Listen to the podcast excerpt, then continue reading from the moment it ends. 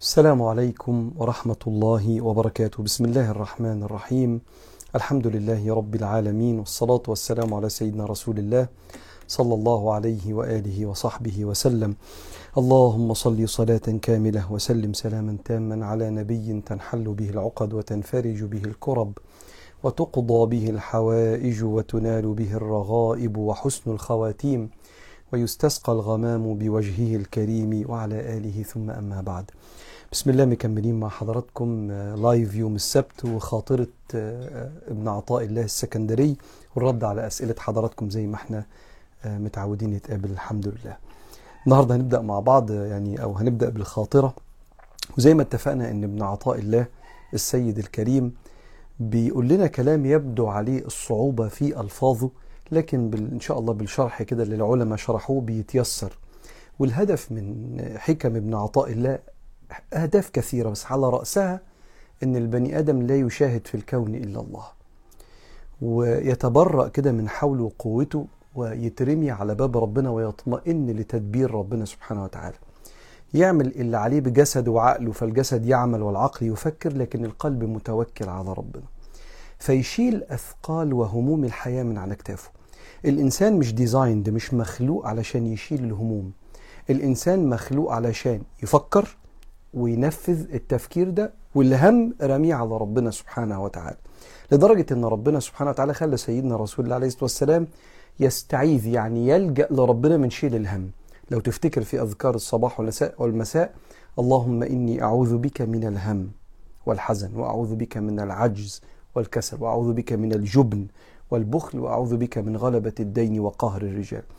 فإحنا مش عايزين نشيل الهم اللي يقطم وسطنا. واللي يعكر صفو أرواحنا واللي يزعجنا ويفسد سلوكياتنا ويخلينا نلجأ في أوقات كتيرة للغضب المنفلت والتفكير الزيادة اللي بيخلي الإنسان ما يعرفش ينام وبيلجأ ساعات الإنسان لطرق محرمة علشان يعرف يحصل على مصالحه بسبب الخوف الزائد. لما بتسمع حكم ابن عطاء الله بترتقي في التسليم لله مع سعيك وعملك قل إن الأمر كله لله إليه يرجع الأمر كله. فاعبده وتوكل عليه. فابن عطاء الله النهارده بيقول قال تاج الدين أحمد بن عطاء الله السكندري رحمه الله ونفعنا الله بعلومه وعلومكم في الدارين آمين. قال فرغ قلبك من الأغيار يملأه بالمعارف والأسرار. فرغ قلبك من الأغيار يملأه بالمعارف والأسرار. الأول بس كلمة أغيار يعني أي حاجة غير ربنا. إحنا عندنا كلمتين في الكتاب هنا. كلمة اسمها السوى يعني أي حاجة سوى الله أي حاجة غير ربنا وحاجة اسمها الأغيار. فهو بيقول له اتمرن وانت ماشي في رحلة حياتك إن قلبك يبقى فاضي من رؤية إلا الله اللي بيعمل كل حاجة في كل حاجة واللي بيقدر كل الأقدار واللي بينزل الرزق. وانت بتسعى في الأرض هو بينزل الرزق من السماء. وانت بتسعى في العلاج هو بينزل الشفاء من السماء. وانت بتشرب بق المية هو بينزل الري الارتواء من السماء. لما بتاكل لقمة هو بينزل الشبع من السماء. فأنت عليك الفعل لتحصيل الأرزاق اللي بتتكتب مع سعيك من عند ربنا. تأمل في حروف الآية دي. هو الذي جعل لكم الأرض ذلولا يعني الأرض ممهدة. فامشوا في مناكبها. خبط على أبواب الرزق في الأرض. وكلوا من رزقه وإليه النشور. ما قالش كلوا من رزقها إنما أقسم قال في السماء كل العطايا وكل الأحداث وكل العرسان وكل العرايس وكل الفلوس كل اللي إحنا عايزينه من ربنا. مكتوب في السماء بينزل من عند ربنا وأنت تسعى. وساعات في أرزاق بتنزل من غير سعي. وساعات في سعي بتعمله بيتبعت لك رزق من حتة تانية خالص من حيث لا تحتسب. فبيقول لك لو سمحت. عايز تفهم حكم ربنا والأسرار اللي من وراء فعل ربنا وتشعر بسكينة إنك أنت مطمن إن المستقبل بإيد ربنا. عايز تفهم عيوبك وتفهم الحاجات اللي أنت مش شايفها ومش قادر تحددها إلا لما ربنا يفتح عليك. قال له فرغ قلبك من الأغيار. يعني أنت النهارده لما تبقى مركز قوي قوي مع فلان قوي قوي ده اللي ممكن يقطع عيشك قوي ده قلبك مش هيشوف تدبير ربنا وأسرار تدبير ربنا. وإن فلان ده ربنا حطه في طريقك يقفل لك الباب ده عشان لما الباب ده يتقفل الله اللي بيه بالإنسان ده الله بالإنسان ده قفل لك الباب هيفتح لك 100 باب تاني بعباد تانيين كلهم في قبضة الملك. شايف الأسرار دي؟ مش هتتفتح عليك إلا لما تشيل البني آدم ده من قلبك. ده مش موجود ده تراب ابن تراب. الأحداث كلها تراب ابن تراب وكل الذي فوق التراب تراب. أنا عارف إن ده صعب بس ده رحلة. رحلة بنوصل لها مع بعض كده لغاية ما توصل لليقين أنه لا فاعل في ملك الله إلا ما يريده الله إلا الله ولا يكون في ملكه إلا ما أراد. من أقصر الجمل اللي سيدنا الشيخ كان بيعلمها. لا يكون في ملكه إلا ما أراد. جبناها منين دي؟ جبناها من وهو القاهر فوق عباده. القرآن المهيمن سبحانه وتعالى. وبالتالي فرغ قلبك من الأغيار. قوى العظمى اللي بتحرك العالم تراب ابن تراب. والله سبحانه وتعالى ليه حكمة في تأخير النصر أو تعجيل النصر. الجيل ده ربنا بيربيه على حاجة بيسلم الجيل اللي بعديه معاني معينة ربنا أرادها في ترتيبة الزمنية بتاعت ملكه. واقتراب علامات الساعة وقيام القيامة. في ملك كبير بيدار بيدبر من ملك الملوك. علشان تطمئن لأن في حكم وأسرار ارمي بقى. ارمي من قلبك أي حاجة سوى الله. لا تشاهد في الكون فاعل إلا هو. وبالتالي البنت اللي بتقول أبويا كان واقف في طريقي ورفض إنه يجوزني الراجل ده مش هتهربي وتتجوزي من ورا أبوكي. هتقولي يا أبويا أنا نفسي أتجوز الراجل ده لأنه في واحد اتنين تلاتة. وتدافعي عن آه، رغبتك بشكل فيه أدب وذوق وشياكة واحترام وطاعة للوالدين. يمكن عندهم رؤية أنت مش شايفاها. عملتي اللي عليكي دافعتي بررتي شرحتي. سيبي بقى الأقدار تسري تمشي أو تتمنع بإذن الله عن طريق الأهل. وهنفضل نخبط على الأبواب وهنفضل نشرح وهنفضل نبرر وهنفضل متمسكين بحقوقنا لكن مش هنعمل تصرف في سوء أدب. أو في خروج عن الأعراف الطبيعية والأخلاق أو في عصيان وهدم لبيوتنا علشان رغبة جوه الواحد. نفس الكلام أنت يعني عندك سعي وخدت بالأسباب كلها والله واجتهدت. وأنا عندي قصص كتير في ده. ورحت ال interview وعملت أحسن واحد. وجي واحد بالباراشوت كده من فوق يعرف صاحب الشركة ولا مش عارف مين طك قام نزل على الوظيفة اللي أنت بجد كنت بتحلم بيها. استنى استنى. ليس هناك في الكون فاعل إلا الله. الوظيفة دي اتقفلت عشان في حاجة أحلى في ملكه الواسع وخزنته المليانة. مفتوحة مفتوحة لك. فصبرا وكمل في سعيك وأعرف ان يقينا ما دام هو وعد إنا لا نضيع أجر من أحسن عملا. يبقى اللي قفل ده وفتح ده الله. الله. يبقى فرغ قلبك من الأغيار. يملأه بالمعارف والأسرار. طب وأنت تستفيد إيه؟ لما المعارف والأسرار تبقى في قلبك لا تطمن. إنك لما تشوف بقى حكم ربنا أنت قلبك هيت يعني هيت عارف لما حاجة تستقر كده وتقول إيه الجمال ده؟ والله الواحد ما كانش واخد باله ولا شايف حاجة. لما تبقى كده يعني أنت صدقني هتدوق طعم طعم معية ربنا سبحانه وتعالى. تمام؟ يلا بينا. نجاوب على ال- الجمال. الأسئلة هل يجوز قضاء دين الصيام في شهر رجب؟ نعم. لما بنت تفطر أو في بسبب الحيض أو العلماء أفتوا بجواز ده تخفيفا على المسلمين وأخذوا فتوى الحنابلة في المسألة دي. عشت تجربة انفصال صعبة وتعبت نفسيا جدا ومن فترة تقدم لي إنسان طيب ولكن لم يتم الأمر لأن الشخص اللي كنت مرتبطة بيه سابقا سعى لتخريب الأمور في تصوير سمعة سيئة عندي. هو ده قدر ربنا في عدم تمام الأمر؟ نعم. بس هقول لحضرتك حاجة بس أكمل السؤال. وربنا هيحاسبه إزاي على أذيته ليا في الطريقة دي؟ سيدنا النبي عليه الصلاة والسلام شاف عذاب القبر وشاف نعيم. فمن عذاب القبر اللي شافه كما في البخاري آه، واحد بيتحط له في بقه خطاف هنا. وبعدين يتشد كده يتفتح بقه من هنا. وخطاف هنا يتشد كده يتفتح بقه من هنا يتقطع يعني بعيد عن السامعين. فقال سبحان الله من هذا يا جبريل؟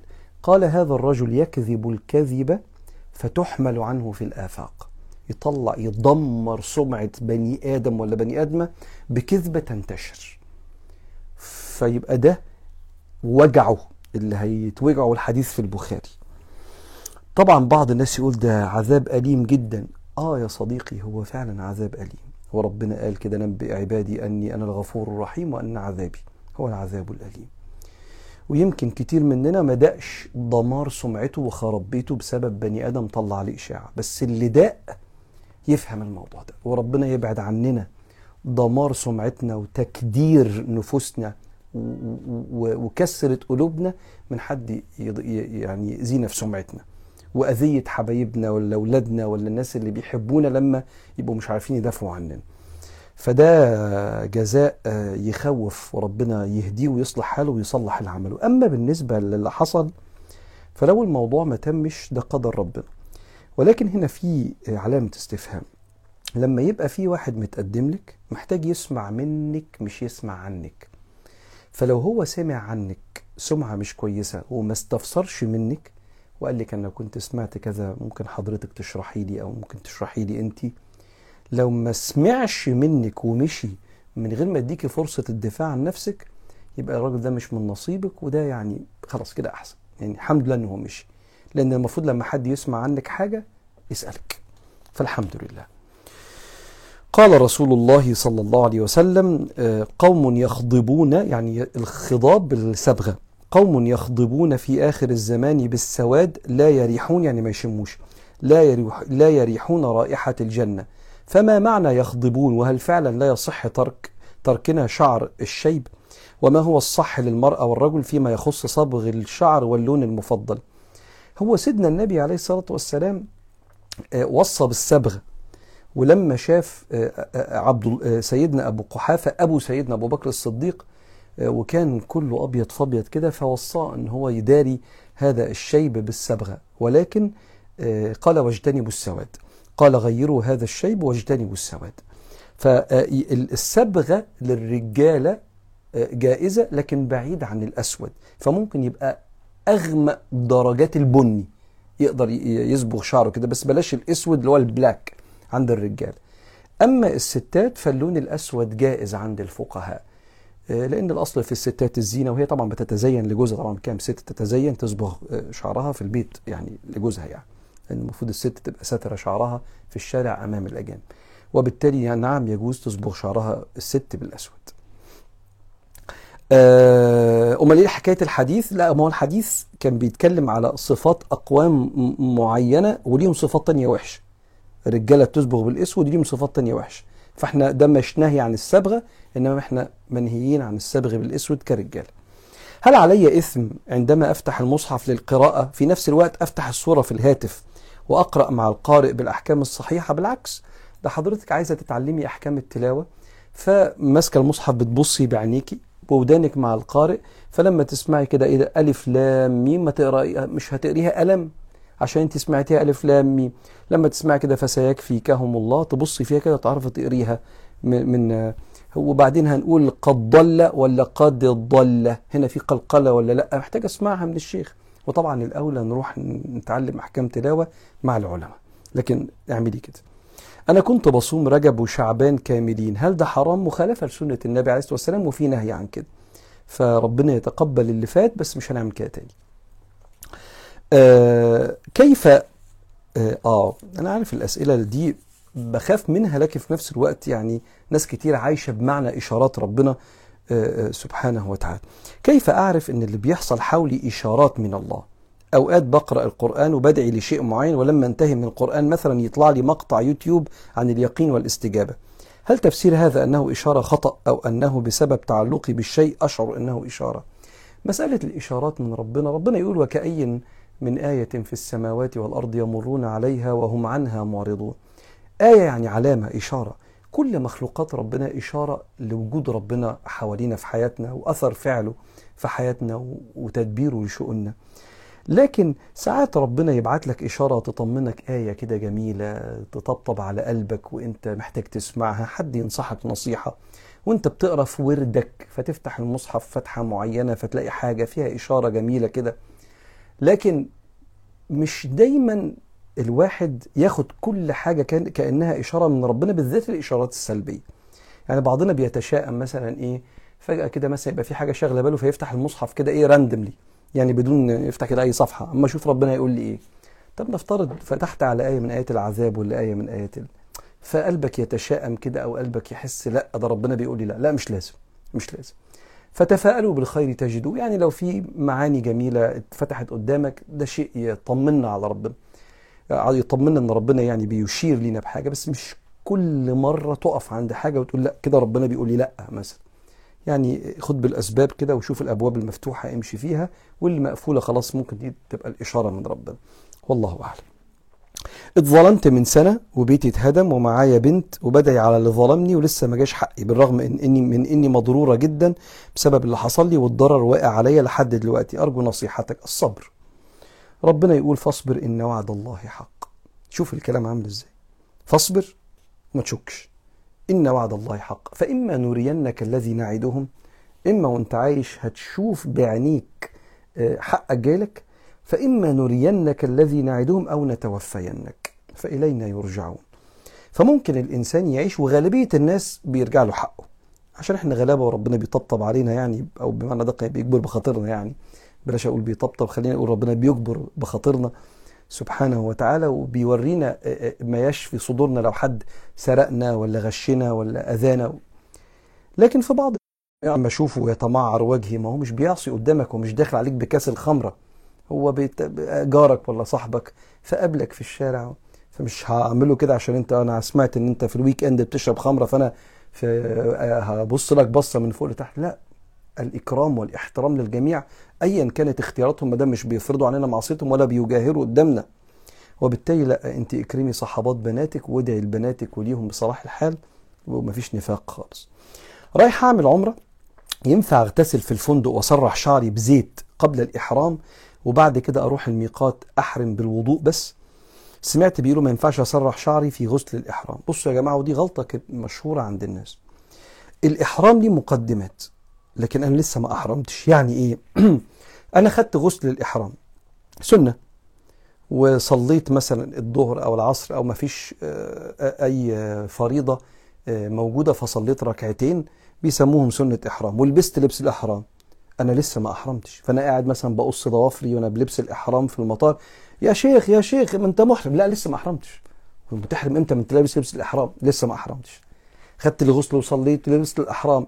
تحرم إمتى لما تقول لبيك اللهم لبيك. لبيك لا شريك لك لبيك إن الحمد والنعمة لك والملك لا شريك لك. لبيك اللهم بعمره أو لبيك اللهم بعمره عن فلان. وإن حلي حيث حبستني. المهم فأنت حضرتك اغتسلتي وسرحتي شعر سرحي شعرك بالزيت. وسرحي شعرك حتى لو وقع منه حاجة في المشط ولا الفرشة. أنت لسه ما أحرمتيش.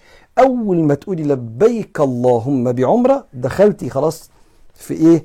في الفريم دخلتي في حدود فكرة الإحرام ونسك الإحرام.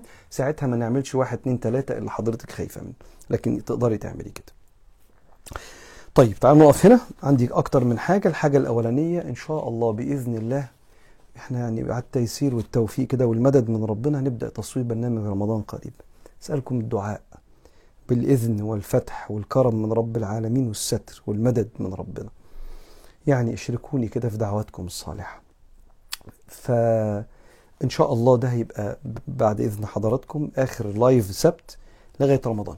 إن شاء الله بإذن الله. لغاية آخر شهر واحد خواطر القرآن اللي هي تفسير سورة البقرة مستمر. وال ask إن شاء الله بإذن الله مستمر لغاية آخر شهر يناير. من أول واحد اتنين الأنشطة على ال social media هتتوقف هيبقى حاجة واحدة بس وهي نور. برنامج نور اللي بيذاع على أون الساعة 7 يوم الجمعة هينزل على أون وينزل على ال social media عندنا إن شاء الله بإذن الله. لغاية ما إن شاء الله لو عشنا وكان في العمر بقية نتقابل في خاطرة الفجر إن شاء الله في رمضان في ميعادنا السنوي. ويعني ربنا يدينا الإذن ويفتح علينا وبركة دعوتكم الصالحة. إن شاء الله في معرض الكتاب بإذن الله الأربع القادم هيبقى أول يوم معرض الكتاب بإذن الله آه هينزل كتاب رميم. آه إحنا دايما لما بنعمل برنامج بنصيغ البرنامج في صورة كتابية عشان الناس اللي بتحب يعني تعرف المعاني اللي جوه البرنامج عن طريق القراءة. سواء اتفرجت أو ما اتفرجتش إن شاء الله هينزل كتاب رميم في آه، دار نهضة مصر. فهتلاقوه في جناح نهضة مصر بإذن الله في معرض الكتاب الدولي في القاهرة. وربنا ياخد بإيدينا ويصلح أحوالنا. بسم الله الرحمن الرحيم والحمد لله والصلاة والسلام على سيدنا رسول الله. اللهم اغفر لنا كل ذنوبنا وإسرافنا في أمرنا. وثبت على حبك وحب رسولك واتباعه وخدمة عبادك. اللهم ثبت أقدامنا. وانصرنا على أنفسنا. اللهم ثبتنا على حبك واتباع نبيك وخدمة عبادك. ثبت أقدامنا. وانصرنا على القوم الكافرين. اللهم زلزل الأرض من تحت أعدائنا يا رب العالمين. شتت رمي الصهاينة يا رب العالمين. شتت شملهم ورميهم. ونجي أخواننا يا ربنا في فلسطين وغزة وفي كل مكان يحارب فيه المستضعفين. اللهم بلغنا رمضان وأنت راض عنا. اغفر لنا جميع ذنوبنا قبل رمضان فندخل رمضان وقلوبنا مستنيرة بالإقبال عليك. اللهم أعتق رقابنا قبل رمضان وفي رمضان أسكننا الفردوس الأعلى من الجنة واكتبنا من أهلها في جوار الحبيب الأمين صلى الله عليه وسلم. اشف مرضانا ومرضى العالمين وارحم أمواتنا أجمعين. اللهم وسع علينا في أرزاقنا حتى لا نمد هذه الأيدي إلا إليك. ولا نتوكل بهذه القلوب إلا عليك. أبكي عيوننا من خشيتك رقق قلوبنا لحبك. علمنا علما نافعا حسن أخلاقنا مع الناس مع تمام الستر واللطف والعافية منك يا ربنا. اللهم فجر كنوز الأرض في بلادنا وفجر كنوز البحار في بلادنا. قو جيوشنا واحفظ حدودنا يا ربنا. اللهم أنزل علينا الأرزاق الواسعة في بلادنا وفي ديارنا. وفي قلوبنا. ومن أراد ببلادنا خيرا فوفقه لكل خير. ومن أراد بنا كيدا أو شرا فاصرفه عنا واشغله بنفسه يا ربنا. وصل اللهم وسلم وبارك على سيدنا محمد. وأذن لنا بزيارة النبي عليه الصلاة والسلام. وحج بيتك الحرام يا رب العالمين. والحمد لله.